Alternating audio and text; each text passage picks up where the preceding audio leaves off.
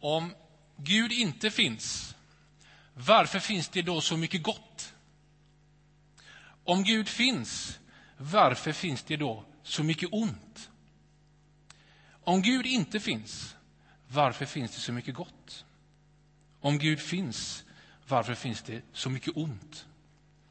Två kärnfulla frågor som formulerades av filosofen och teologen Augustinus. Och godhet och ondska väcker frågor. Var kommer godheten ifrån? Var kommer ondskan ifrån? Vad är gott och vad är ont? Vem avgör vad som är vilket? Hur kan man förhålla sig till det onda? In i detta säger kristen tro Gud såg att allt som han hade gjort var mycket gott. Och Jesus sa, se till att ni blir räddade från detta onda släkte. Norges statsminister sa igår, efter den fruktansvärda tragedin på ön Utöja, om just ön Utöja. Min ungdomsparadis har blivit ett helvete. Ett uttalande som också kan gälla en världsbild. Ett paradis som har blivit ett helvete. Inte bara ett helvete, utan det finns gott, men det finns också ont. Så tror jag vi upplever livet. Så tror jag vi upplever världen. Jesus sa om Gud Fadern, ty Fadern låter sin sol gå upp över onda och goda och låter det regna över rättfärdiga och orättfärdiga. Fadern verkar och vakar över både det goda och det onda. Gud är god. Godhet är en beskrivning av Guds karaktär. Det goda är det som är Gud. Det finns någonting som avgör vad som är gott, och det är Gud. Det kan innebära väldigt mycket beroende på vem Gud är. Och kristen tro hävdar att Gud inte är vem som helst, utan att Gud har gjort sig känd. Och tydligast ser vi det i Jesus. Jesus beskriver Guds godhet. Och Jesus, intressant nog, beskrivs ofta både av människor som tror på honom som Messias och människor som inte tror på honom som Messias, som just god. Guds godhet är den underbara välvilja och generositet som berör alla Guds skapade varelser. Det finns aspekter av Guds godhet. Det finns kärlek, det finns nåd. Det är två aspekter av Guds godhet. Och samtidigt berör dessa aspekter varandra och hålls samman i en karaktär. Att Gud är god. Ondska är motsatsen till det som är Gud. Onda krafter som verkar, splittrar, förstör, bryter ner dig själv, gemenskapen och andra och Gud. Det ljuger om vem du och andra människor är och ljuger om vem Gud skulle vara. Ondskan skär igenom alla människors hjärtan, genom samhällen, genom nationer och genom världen. Det kan kännas obehagligt att tala om ondska. Det kan vara svårt att ta till sig. Men om man inte gör det så menar jag att man är världsfrånvänd. Man blundar för en värld som lider på grund av ondskans krafter. Det finns en kluvenhet inom oss människor. Vi dras i. Olika krafter vill verka i oss. Krafter som kan leda till gott och som kan leda till ont. Ibland är det inte så lätt att avgöra, ibland är det väldigt klart. Ondskan kan hållas på ett teoretiskt plan men har ett praktiskt plan när vi ser och känner lidande. Lidandet kan formuleras i somliga går med trasiga skor. Säg vad beror det på? Gud fader som i himmelen bor, kanske vill han ha det så. Vi hör om den fruktansvärda hungersnöd som just nu råder i Somalia och de andra länderna på Afrikas horn. Ondskan och lidandet i Norge. Och så kan lidandet drabba oss personligt. Du eller någon själv nära drabbas av någonting. I dessa erfarenheter så ställer vi oss frågan, vart är du Gud? Min pappa han drabbades av en hjärntumör. Och jag glömmer aldrig blicken och kroppsspråket och hela situationen där i bilen när han ställer sig på den frågan till den blivande pastorn. Vart är Gud?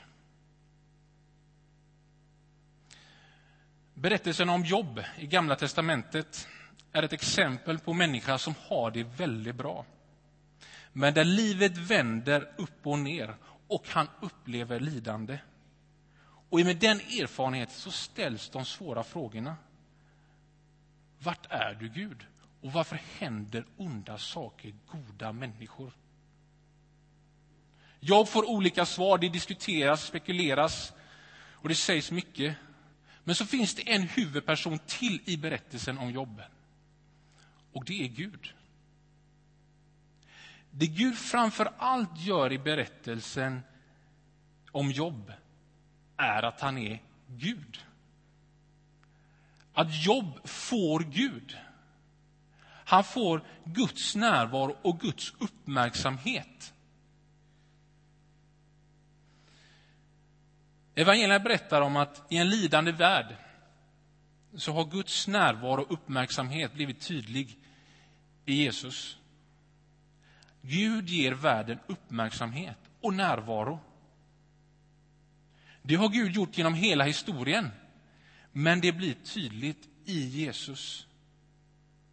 Och Jesus beskrivs av människorna som mötte honom på den tiden som Gud med oss.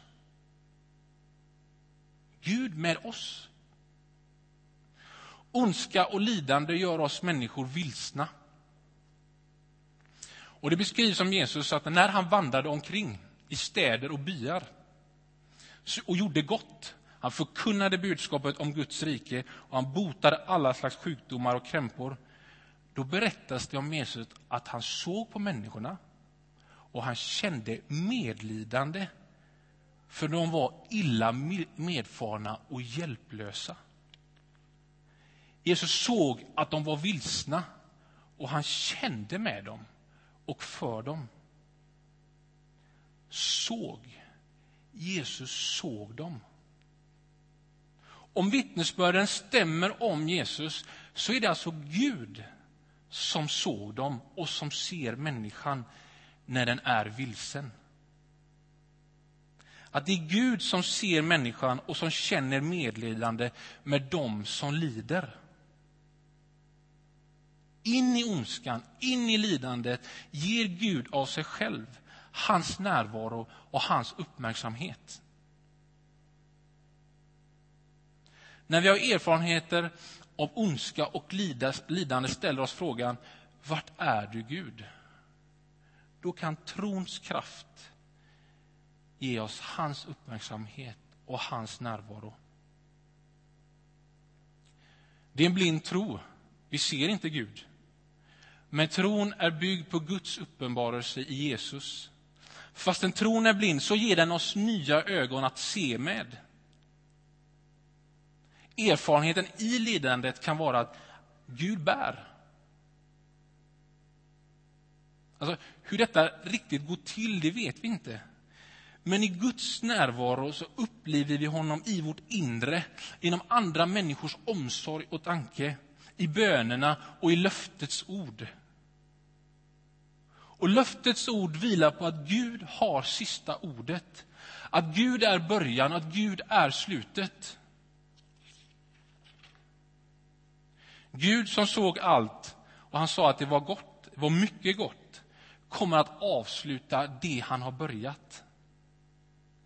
Vi människor korrumperas lätt av ondskan. Men Gud håller ut. Gud har en vision. Gud som är början och slutet, han har sista ordet. Och En man såg denna visionen Och han skrev ner den i Uppenbarelseboken. Och jag såg en ny himmel och en ny jord. Se, Guds tält står bland människorna. Han ska bo ibland dem och de ska vara hans folk. Och Gud själv ska vara hos dem och han ska torka allas tårar från deras ögon. Döden ska inte finnas mer och ingen sorg och ingen klagan och ingen smärta ska finnas mer. Till det som en gång var är borta.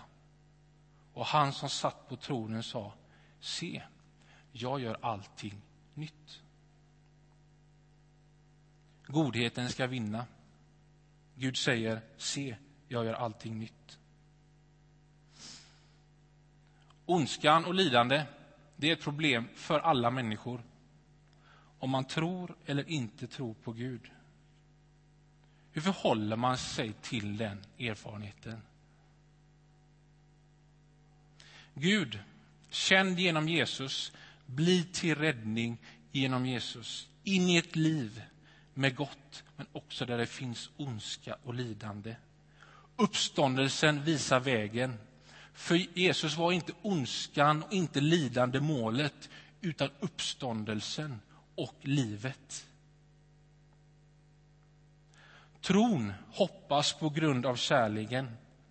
Att Jesus var den första som led och dog, men som också uppstår och lever. Livet vann. Och efter Jesus får vi följa med hoppet om samma utgång. Döden ska inte finnas mer.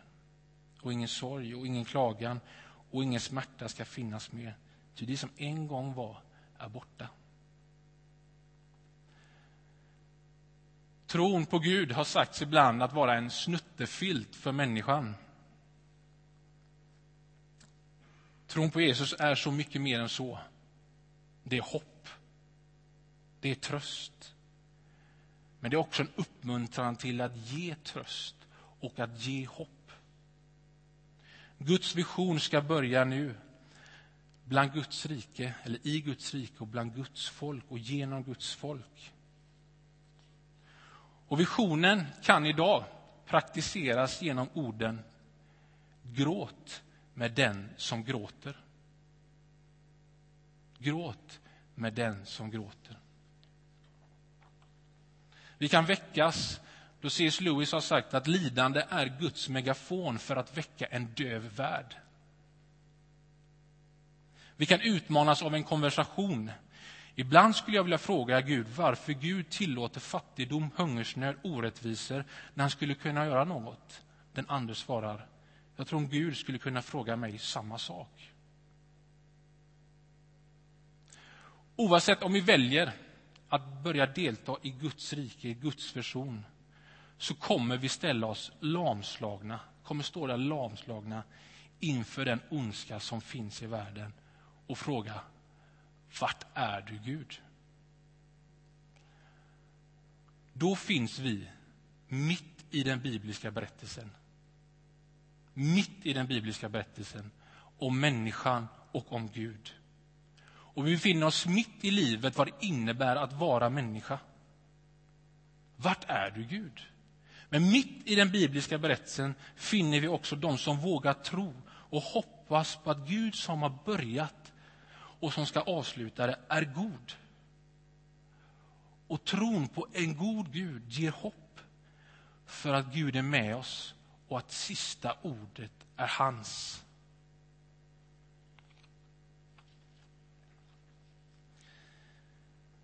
Vi bad för den här gudstjänsten precis innan vi samlades här. Då upplevde vi, vi fick ett ord till oss om att utgjuta våra hjärtan. Jag tror vi alla sitter här och är påverkade av det som har hänt i Norge. Och oavsett hur vi känner så kan Gud ta det. För er som har varit här innan så vet ni att vi kommer ta en stund av att fira nattvard få ta emot Gud, få be tillsammans, få tända ljus, få söka honom i förbönen och allt det som vi gör tillsammans. Ta vara på den tiden och säg som det är. Utgjut ditt hjärta inför Gud. Han tar det. Och mitt i det så tror jag han kan göra sitt verk. Andas hopp, andas tröst. Att han har sista ordet och att han finns med. Amen.